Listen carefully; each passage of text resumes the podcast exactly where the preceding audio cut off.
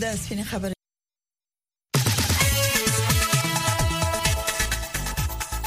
دا واشنگتن دی تاسو د امریکا غږ آشنا رادیو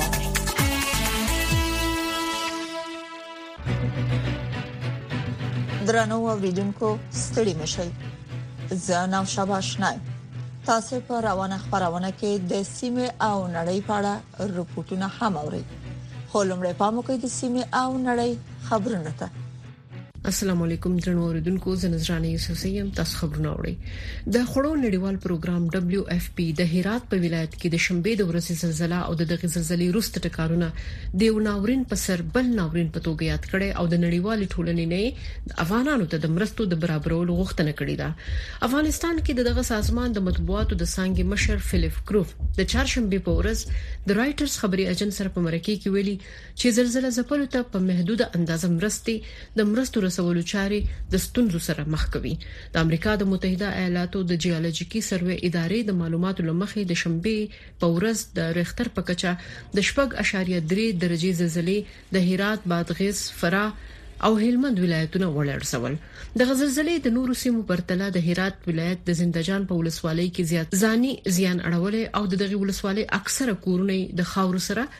خاورې کړې دي. د ملګرو ملتونو پراختیايي پروګرام یو ان ډي پي وايي چې په افغانستان کې د خصوصي سکټور له لارې د جاپان د حکومت په ملاتړ د ښځو د اقتصاد د پیاوړي کېدو لپاره یې یوه دوه کلنه پروژه پیل کړې ده. د ملګرو ملتونو دغه ادارې د چهارشنبې په ورځ اکتوبر یوولسمه په یوه خبرپاڼه کې ویلي چې دا پروژه د جاپان د نړیوالې همکارۍ د ادارې جایکا د لسو میلیونو ډالرو نه تمویل او تطبیق کیږي د دغه پروژې لارې په افغانستان په وو ولایتونو کې مالی منابعو ته د هغو خزو لاسرسي کې ښه والي راشي چې خزو ته کارونه پیدا کوي او هم خزو ته به د بازار موندنې او د کار او کسب په برخه کې مرسته وکړي ټاکل شوی چې د دغه پروژې لارې به د کونړ لوګر قندهار زابل بغلان قندوز او کاپیسا په ولایتونو کې 1400 خزو سره مرسته وشي د ملګرو ملتونو د بشري حقونو شورا د افغانستان لپاره د دغه شورا د ځانګړي رپورټ ورکونکي ریچارډ بنټ د ماموریت دوره د یو بل کال لپاره تمدید کړه. د بشري حقونو د څار ادارې د ښځو څانګې مشرې هیدر بار د چهارشنبې په ورځ اکتوبر یوولسمه په ایکس ټولنیزې شبکې کې لیکلي چې د افغانستان په اړه یو نوی پریکړه لیک تصویب شو چې په هغه کې د ځانګړي رپورټ ورکونکي ریچارډ بنټ د ماموریت تمدید هم شامل دی. ټاکل شوې ده چې د امریکا د متحده ایالاتونو د ولسي جرګې غړي د دې جرګې د نوي رئیس د ټاکلو لپاره رای ورکړي. جمهوري غوښتونکو وکیلانو د چهارشنبې په ورځ په یوه پټه رای اچونه کې سټیف اسکالس د یادې جرګې د پخواني رئیس مککارتي په ځای نوماند کو. اسکالس د جمهوري غوښتونکو وکیلانو د یو سل دیارلس موافقو رایو او د نهه نوي مخالفو رایو په ترلاسه کولو سره د جرګې د قضايي کمېټې مشر جیم جارډن په وړاندې بریالی شو د امریکا د متحده ایالاتو په کانګرس کې د ولسی جرګې په خپل 204 درشم کلن تاریخ کې د لومړي ځل لپاره د سیشن به پورس د دغه جرګې په خوانی مشر کیوین مکارتي ل خپل دندې لری کو د امریکا د بهرنیو چارو وزیر انټونی بلینکن د پنځشنبه په ورځ په اسرایل د حماس په بریدونو کې د 15 امریکایي اتباعو د وجل کېدو تایید کړی دی او ټینګار وکړ چې امریکا به تل د اسرایل ترڅنګ ولاړوي بلینکن چې اسرائیل ته په سفر تللی دی، د دغه هیواد د صدراعظم بنیامین نتنیاهو سره په یوې خبري ناستې کې وویل چې فلسطینیان هم مشروع هیلې او ارمانونه لري چې د نوموړي په وینا د حماس بنسټپاله ډلې استازیتوب نه کوي. د جرمني صدراعظم اولاف شولټز د اکتوبر په دولسمه وویل چې له حماس سره د ایران مرستې دغه ډله د دې جوګه کړه چې په اسرائیلو د تیرې اونۍ بریدونه ترسره کړي. شولټز وویل په داسې حال کې چې موږ د دې ډارن برید په موخه د ایران د عملیاتي ملاتړ کره شواهد نه لرو خو بل خو موږ ټول ته جوته ده چې د ایران د ملاتړ پرته حماس ډلې ته د داسې بریدونو تر سره کول ناشونی ده د جرمني صدر اعظم زیاته کړه د ایران د رژیم د مشرتابه او وسیمه کې د ځینو نورو حکومتونو د چارواکو د خوخي سرګندونه هښېدونکي د ایران مشرتابه له شرمه پرته خپل رښتنی رنګ او څېره ښايي او په دې توګه په غزې کې خپله ونډه تاییدوي. د برتانیې حکومت د پنجشنبې په ورځ وویل چې د امنیتي اندېښنو له امله یې په اسراییل کې د خپلو دیپلوماتانو کورنیو ته لارښوونه کړې چې له دغه هېواده ووځي، خو بلې خوا د برتانیې د بهرنیو چارو وزارت په یوې اعلامیې کې ویلي، چې په اسراییلو کې به ټول برتانوي دیپلوماتان په خپلو دندو کې پاتې وي او د کونسلګرۍ خدماتو ته به دوام ورکړي. تیره شنبه د حماس ډلې په اسرائیل داسې یو ناڅاپه برید تر سره کو چې په ورستیو کلونو کې ساري نه لیدل کیږي او د کرکټ په نړیوال جام کې د پنځشنبه په ورځ جنوبي افریقا استرالیا ته د یو سل سلور دیر شو منډو په توپیر ماتي ورکړه استرالیا د دغه 50 اوریزې لوبې د پچ لګټل وروسته لومړی د توپ اچولو پریکړه وکړه د یادونې وړ ده په دغه جام کې افغانستان تر اوسه دوه لوبي کړې او دواړې بایللې د افغانستان درېمه لوبه د یکشنبه پورس د انګلند سره ده قدر منوریدونکو دا و خبرونه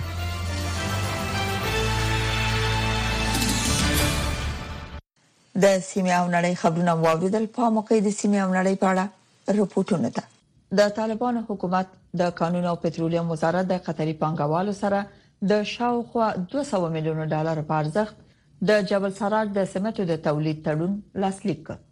د دغه وزارت سرپرست مولوی شهاب الدین دلاور د تړون لاسلیک په مناسبت جوړ شوی غونډه ته ویل چې دا پروژه به 15000 کسانو ته د کار زمينه برابر کړي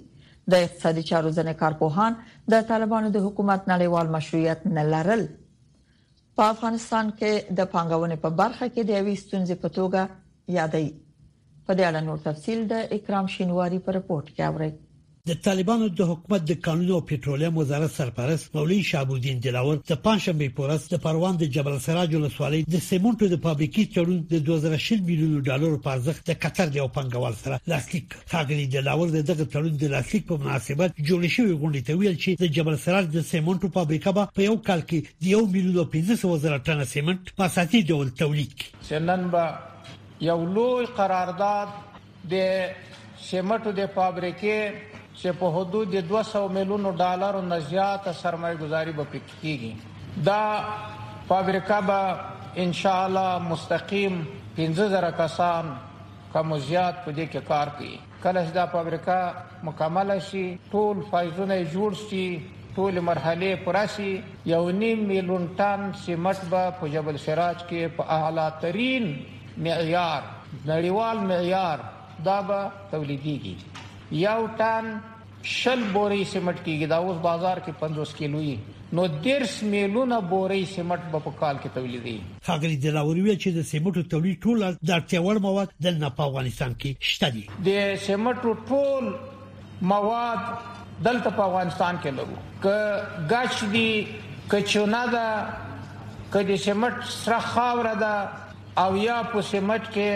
څنګه زغال استعماليږي په جوړوالي کې دا ټول موږ تاسې افغانستان کې لرو. دا تړون د دوه قطري شرکتونو سره لاسلیک شو. د تړون د لاسلیک غونډې ته د قطر د المهام الولي شرکت رئیس د دغه تړون لاسلیک د افغانستان د اقتصادي پراختیا او کارموندنې په برخه کې مهم ګام وګڼه او د طالبان له حکومت یې د دغه شرکت سره د تړون د لاسلیکولو له امله مننه وکړه. کړه. د کانونو او پټرولیم وزارت سرپرست د کندهار او هرات ولایتونو د سیمنټو پروژې د هرات نفت او غازو د بدخشان سرو زرو د پنځیر زمردو په اړه هم معلومات ورکړ او د دغه تړونونو لاسلیک کول د افغانستان د اقتصادي پراختیا لپاره ډیر مهم وبلل د اقتصادي چارو ځینې افغان کارپوهان وایي چې قسم په افغانستان کې د تیر وګړو کلونو پر تله سیاسي وضعیت کې د پام وړ بدلون راغلی خو د دې لپاره چې د طالبانو حکومت د نړیوال ټولنې لخوا په رسمیت نه دی پیژندل شوی ډیر بهرني پانګوال د دې سره سره چې په افغانستان کې پانګونې ته لیوالتیا لري خو د خپل پانګې د خوندیتوب په اړه د اندېښنو لامل پانګونې ته زړه نه کوي د اقتصادي چارو یو کارپوه روح الله احمدزی وایي چې دغه قراردادونو لاسلیک کول د حقوقي اړخه هم ستونزې لري یو موضوع ډیره مهمه ده له حقوقي اړخ نه چې د دغه شان قراردادونو لاسلیک کول له هغو اقتدارونو او هغو حاکمیتونو سره چې د خلکو لخوانه مشروعیت ونه لري د افغانستان د خلکو او نړۍ ورته مشروعیت نه ورکړي زه فکر کوم دا به یو لوی تیروتنه د دغه هیوادونو چې په داسې شرایطو کې له موقعیت نه په ګټې پورته کولو څخه دوی وغواړي پانګونه وکړي او د افغانستان طبيعي زیرمې او هغه سرچینې چې د خلکو مالکیت ده او په حقیقت کې د خلکو د عام د عامه ګټې لپاره د خلکو لپاره باید دا حساب ورکونه ولري د دغه سي پروژو په برخه کې د سیمې د هیوادونو پانګونه او له موقعیت څخه بیا هم سو استفاده چې دوی زر ترې ګټه پورته کی دا په آینده کې به له دوی سره حساب او کتاب خامخا کیږي. طالبانو په دوه زره ویشت کال د اګست په میاشت کې په افغانستان کې بیا واک ترلاسه کړی، خو تر اوسه د طالبانو حکومت د هیڅ کوم هیواد یا نړیوال سازمان له خوا په رسمیت نه دی پیژندل شوی. د دې تړون د لاسلیک وړاندې د طالبانو حکومت د کانو او پټرولیم وزارت د اوو لوی کانونو د پروسس او استخراج تړونونه د چین، ایران او برتانیې د پانګوالو په ګډون د څو افغان او بهرنۍ ګډو شرکتونو سره لاسلیک کړي وو. قصاب د طالبانو حکومت په تیرو دوه کلونو کې د کانونو په سکتور کې د بهرنۍ پانګونې جلبولو لپاره ډېرې هڅې کړې خو تر اوسه په دې برخه کې د پام وړ پانګونه نه ده شوې قطر لومړنی عربي هیواد دی چې په افغانستان کې وخت طالبانو د رسیدو وروسته د سیمنټو د تولید په برخه کې پانګونه کوي انتظار پای ته ورسید ترنو لیدونکو او اوریدونکو تاسو کولی شئ د امریکا غټ ټلویزیونی او رادیوي خبرونه د یاشات ساتلایت له طریقو وګورئ او واورئ د نوي ساتلایت لارې تاسو د آشنا اتصال او کاروان ټلویزیونی خبرونه کتلای هم شئ د امریکا غږ د افغانستان څنګه خبرونه په 398 چنل او د آشنا رادیوي خبرونه په 390 چینل کې اوریدلای شئ لملتيامو د تل پشان مننه زمونږ غږ د واشنگټن د سټډیو ناوړي د ملګرو ملتونو د ماشومان وجي صندوق یا یونیسف وایي چې د هرات د زلزلې نوي سلنه قربانيان خزي او ماشومان دي بلخوا د خوړو نړیوال پروګرام یا ډبلیو ایف پی د هرات په ولایت کې د شنبه د ورځې زلزلہ او د دغه زلزلې نه وروسته ټکانونه د یو ناورین پر سر د بل ناورین په توګه یاد کړ او د نړیوال ټولنې نه افغانانو ته د مرستو د برابرولو غوښتنه کړې ده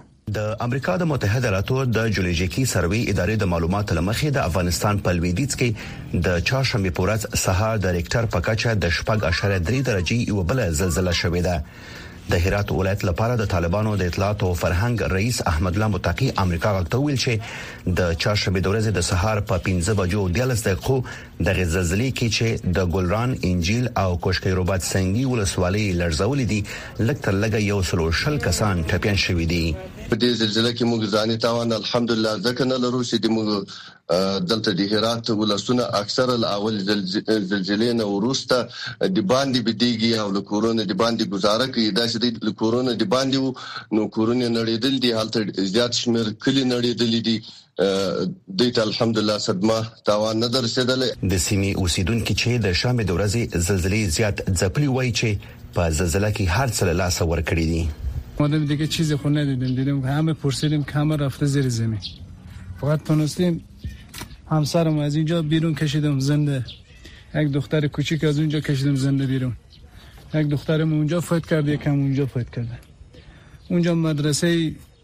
همین تفلک های خود بوده کم کلگش رفته هفت نفر بنادم به یک نفر مونه دو تا بچه کار داشتم از ایران تازه بیام آده اینا کم زناش بچه هاش برد دیگه ما چیز هم دارم مر بکشه بیتره د هرات دا اوسیدونکو وایي چې په ځینو کلو کې لا هم جسدونه تر خاور لاندې پاتې دي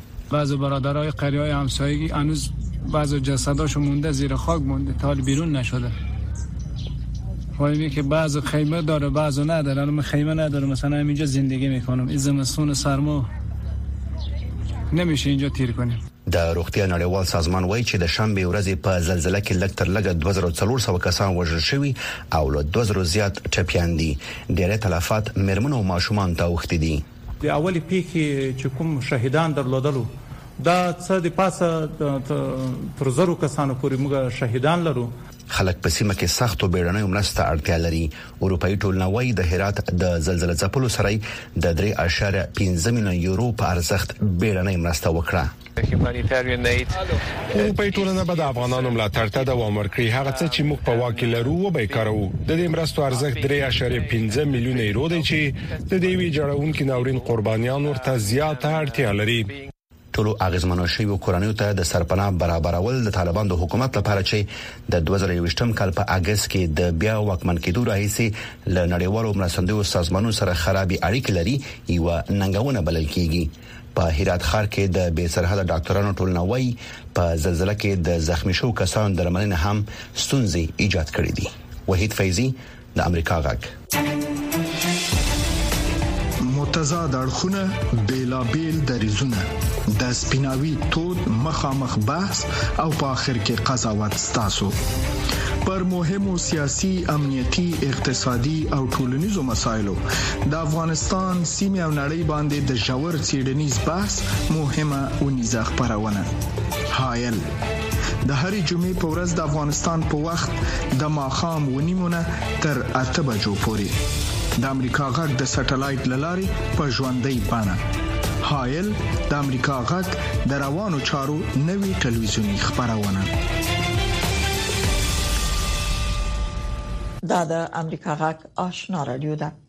اسرایلي جنګي الوتکو نن د شپږمې ورځې لپاره پر غزې تړانګې هوایي بریدونه وکړل او د مدیترانې سمندرګي ته څیرمه نن پنځشنبه سهار وختي په غزې کې د کډوالو یو کمپ بمبارد کړ د غزې تړانګې اکثریت بې ځای شوی خلک د ملګرو ملتونو په موقتی کمپونو کې استوګن دي د اسرایل ولسمشر وایي دا به د حماس پر ضد یو ډیره اوږده جګړه وي پر غزې د اسراییلو بمبارۍ د چهارشنبې په ورځ هم دوام درلود. د جګړې د قربانیانو شمېر لږ څه زیات شو ځکه چې د فلسطین سره د اسراییلو په سرحد کې یو شمېر مړي موندل شوي دي. د جګړې په پنځمه ورځ ویل کېږي چې په اسراییل کې د وژل شویو کسانو شمېر یو زرو دوه سوه تنو ته پورته شوی خو په غزه کې بیا چارواکي وایي چې څه باندې 900 کسان وژل شوي او د اسرایل جنگي الوتکو سیمه بمبارد کړې ده د حماس د بریدونو په ځواب کې اسرایلی ځواکونو غزه په بشپړه توګه کلابند کړې او سیمه ته د خوړو او بو برېښنا او د تیلو رسول ځنډولې دي د لبنان له سویل نه د اسرایل پر شمالي څنډه باندې د شنبه په ورځ د ټانک ضد 15 راکټونه توغول شوي او دا ویره خبره کړې چې د ایران له ملاتړه برخمن حزب الله به هم جګړې ته راودانګي د اسرایل تر خبرداري وروسته 300 زره فلسطینیانو د ملګرو ملتونو خونځو ته پناه وړې ده موږ د مرګ نه وتښتیدو زمنګ پر سر دوامدار بمباری روانه و موږ ته ویل شو چې خانیونه ستراشي موږ راغلو چې مرګ وګورو کوم په خپل کورونه کې پاتې کیدو نو وژل کیدو به کواټونو ته وتلی وای نو هم به وژل کیدو زما زړه ته رانږدې ورور له یو ځینه بل ځای ته وتښتید و وروره خدای دې وبخه د فلسطین د بهرنیو چارو وزارت وایي چې 22600 استوګنځایونه لس روغتونونه او 48 ښوونځي ویجاړ شوي دي د اسرایلو بمباریو غزه کې د جبالیا د کډوالو کم په کډوالو بدل کړی دی د اسرایلو پاوځ د چهارشنبه پورز یو ویډیو خبره کړې چې پکې ښکاری جټ الوتکې د غزې اسلامي پوهنتون په نښه کوي. ولا ايش ضل لا شقه. هیڅ پاتې نه دي، په څلورو یا شپږو ساعتونو کې یهودانو زموږ ځپل پیل کړل، د هر راکټ ترمنځ تفاوت یوه دقیقه یا څلوېښت ثانیې وي. د استخباراتو یو پخواني چارواکي یو سي کوپراواس ته ویلي چې اسراییل درې سوه زره احتیاط یا ریزرف ځواکونه ګومارلي یا فعال کړي او داسې ښکاري چې د ځمکني اشغال لپاره چمتووالی نیسي. موږ د دې موخې لپاره ډیر پوځیان چمتو کړي دي او دوی ټول د چمتووالي پړاو ته رسیدلي چې ماموریت سرته ورسوي زه په خپل او هیڅوک نه پوهیږي چې آیا دا سی یو اقدام کیږي او که وشي نو کله به وي مهمه دا ده چې ټول پوهیږي چې پوځیان چمتو دي کو پرواسر په دې باور دی چې د حماس د برید تر شا د ایران لاس وو تر اوسه پورې اسرائیل 1500 حماس وسلوال چې د شنبه پورس اسرائیل تننه وتلی وو وژل دي د ایران په مشرۍ ډلې پریکړه کړې چې د اسرائیل په ضد عملیات وکړي دا چې ولي دا لوی پښتنه ده زما احساس دا دی چې څو شیان سره یو ځای شوې دي لومړی احساس دا دی چې ایران او نیابتي ډلې داسې یو حقيقي مخالفت نه ویني چې په منځني ختیځ کې په یو قوي عنصر ووري د اسرایل چارواکي وایي چې دوی تمه لري چې جګړه لږ تر لږه د څو اونیو لپاره دوام ومومي احمد شکیب د امریکا غږ واشنگټن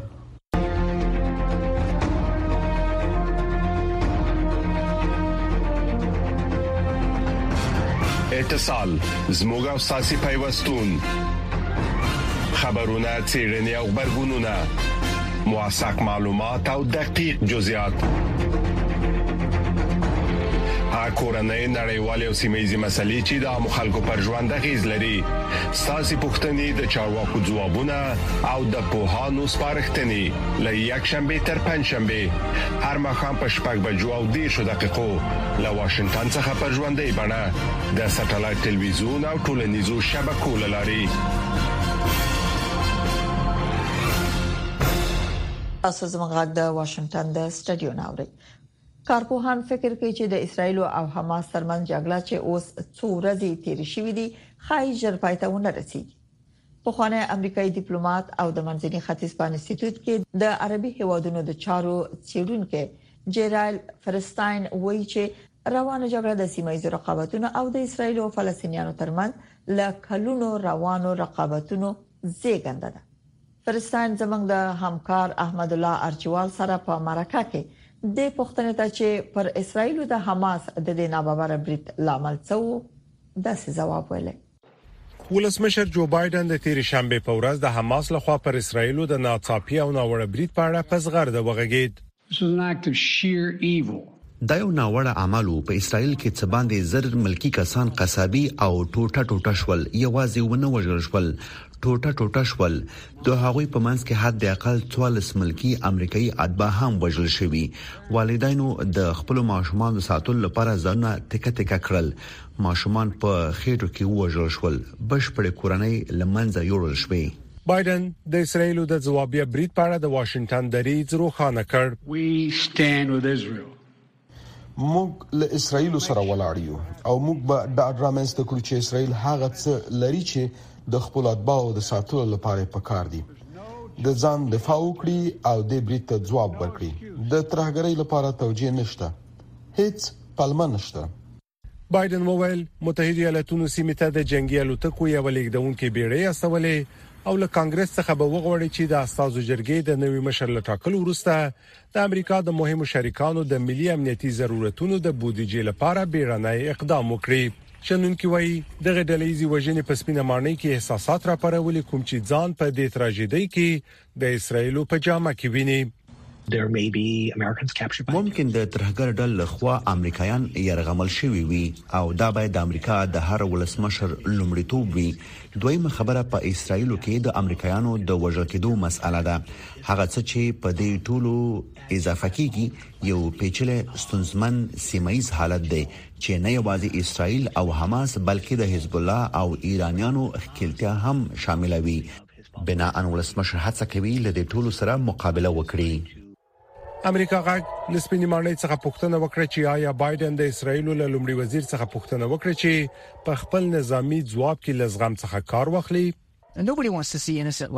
هیڅوک نه غواړي چې ملکي کسان ووژل شي، څنګه چې ما وویل هلته ډیر داسې شوي دي. له اسراییل سره زموږ په اړیکو کې یو غوره شی دا دی چې موږ غوړېدلې دیموکراسي لرو او په یو ډول د ملکي کسانو ژوند ته د احترام او د قانون د واکمنۍ په شان مسایلو ته درناوی لرو. د امریکا سیالان د ملامتۍ د ګوتې په نیولو کې ګړندي وو. له بده مرغه موږ په منځني ختیځ کې په ګړندي ډول د وضعیت د خرابېدو شاهدان یو. فکر کوم ډېر کسان به له ما سره موافق وي چې دا په منځني ختیځ کې د امریکا د پالیسۍ د ناکامیدو ښکاره مثال دی، کوم چې هڅه یې وکړه د جګړې حل و فصل په خپل لاس کې واخلي، خو له بده مرغه دواړو طرفونو ته د منلو وړ جوړجاړیو د موندلو په اړه اندېښمنه نه وه. کربي وویل، په اسراییل کې جګړه به له نورو ګواښونو څخه چې هر چیرې وي، د واشنګټن سترګې وانړوي. هر هغه هېواد چې ممکن فکر وکړي د متحده ایالاتو تمرکز به واوړي، بیا دې فکر وکړي. موږ یو ډېر پراخ، لوی او قوي هېواد یو. په حقیقت کې اقتصاد اوسمهال ډېر پیاوړی دی او موږ کولی شو خپلې او د نړۍ په هره برخه کې د خپلو متحدینو او شریکانو ملي امنیتي ګټې تعقیب کړو. بایډن وویل چې د اسرایل ملاتړ به پرې نګدي سمي الله جلالزای د امریکا غږ د بدلون پر مهال کله چې د نړۍ وضعیت څرګند نوي او کله چې اوریدل ل عیني واقعیتونو سره سمون نخري موږ په حقیقت پسې ګرځو کله چې موږ ته د یو موضوع یوازې یو اړخ بیانېږي نو باور بایلو د ناورین پر مهال د یوې ښې راتلونکې لپاره زموږ خوبونه تم یو هلي پر آزادو مطبوعاتو تکیه وي د امریکا غږ پر چپو موږ هغه خبرونه خبرو چې خلک د لیدلو لپاره غواخونه مني موږ نړۍ سره وسلو او د حقیقت په ویلو یو موټی کوو د امریکا غږ لاري موږ بشپړ انزور درکو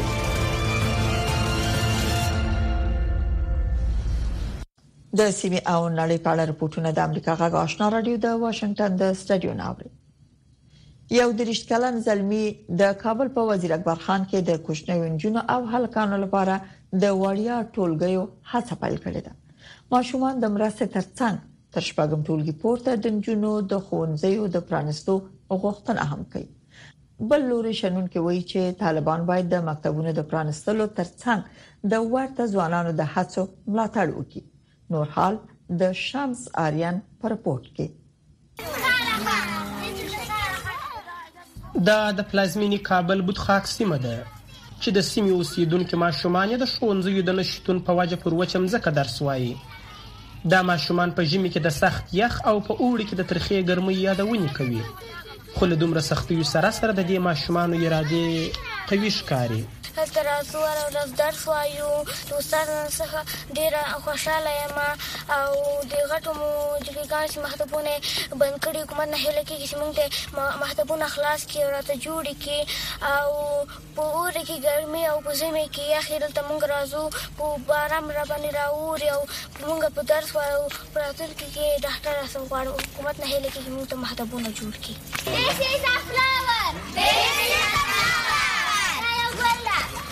د دې ماشومانو د ارمانونو د پوره کولو تکل له بغلان ولایت څخه درویشت کلن وزیر خان کړی دی وزیر خان د وړیا تدریس ترڅنګ د دې ماشومانو د ښوونځیو لومړنۍ اسانتیاوې هم برابروي. تقریبا یو کال نه زیاته موده وشول سي دغه مکتب ما ایجاد کې دوی لپاره سترسو دوی پکې زکړه او کې تعلیم پکې او کې او زی ترڅنګ مونږه د اما په هاوی کمپاین هم تر سره کوو په لری پروتو سیمو کې ان اوس هم د افغانستان په ډیره برخو کې والدین په خپلو انجونو منې تعلیم نه کوي دوی دې ته هڅو دوی دې دوی سره موږ خبرې کوو چې دوی منې تعلیم وکړي زده کړه پکې وکړي او ترڅو دا تعلیم څومره مهم دی دوی لپاره دوی سره په خبرې کوو او دوی دې ته هڅو چې په خپلو انجونو هلکانو منې تعلیم وکړي زده کړه وکړي او یو ډول عامه پوهاوی ورته کوو وزیر خان او د دې ټولګي زده کوونکي ښایسته او عابد یوازې د ځان د لاسنیوي خبره نه کوي بلکې وايي چې طالبان باید تر شپږم ټولګي پورته د نجونو پر مخ د تعلیم دروازې هم پرانیزي موږ د دې حکومت دا هیله ده چې موږ ته کتابچې شیان راکړي او میزونه شیان نشته ده موږ ته میزونه او چوکیګانې راکړي او زه د موږ نه دا هیله ده چې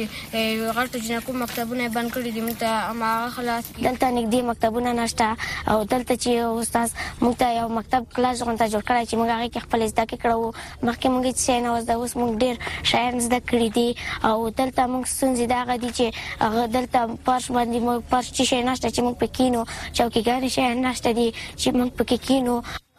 بل لور ته شنونکي د نجونو د ښوونځیو د پرانیستلو ترڅنګ وایي چې طالبان وزیر خان ته د ورته ځوانانو د هڅو زیات ملاتړ باید وکړي زموږ د معارف څانګه هم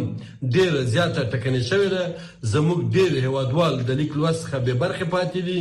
موږ هیله من یو چې حکومت د معارف لپاره ډېر خدمتونه وکړي او ډېره برخه د بودجې ورته مصرف کړي او هغه ځوانان لکه دغه ځوان چې په کابل کې په وړیا توګه کار پیل کړی له دوی سره لا هم همکاري وکړي ډېر زیات کمپاینونه به ورته پیل شي. دغه افغان ماشومان په داسې حال کې د ښوونځیو سره د مرستې غوښتنه کوي چې تر دوه کاله زیات وسول چې طالبانو په افغانستان کې تر شپږم ټولګي پورته د نجونو پر مخ د ښوونځیو دروازې تړلې دي د شنونکو په باور چې د نجونو پر مخ د تعلیم دروازې تړل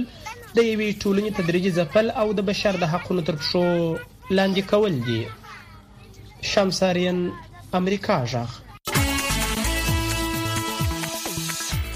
نن او وضعیت د نړۍ سیمه او د افغانستان پر روانو چارو او د ننني وضعیت په حق لا خبرونه راپورټونه مرکه او تحلیلونه هر شپه نه بجې د امریکا غږ آشنا رادیو نه اوري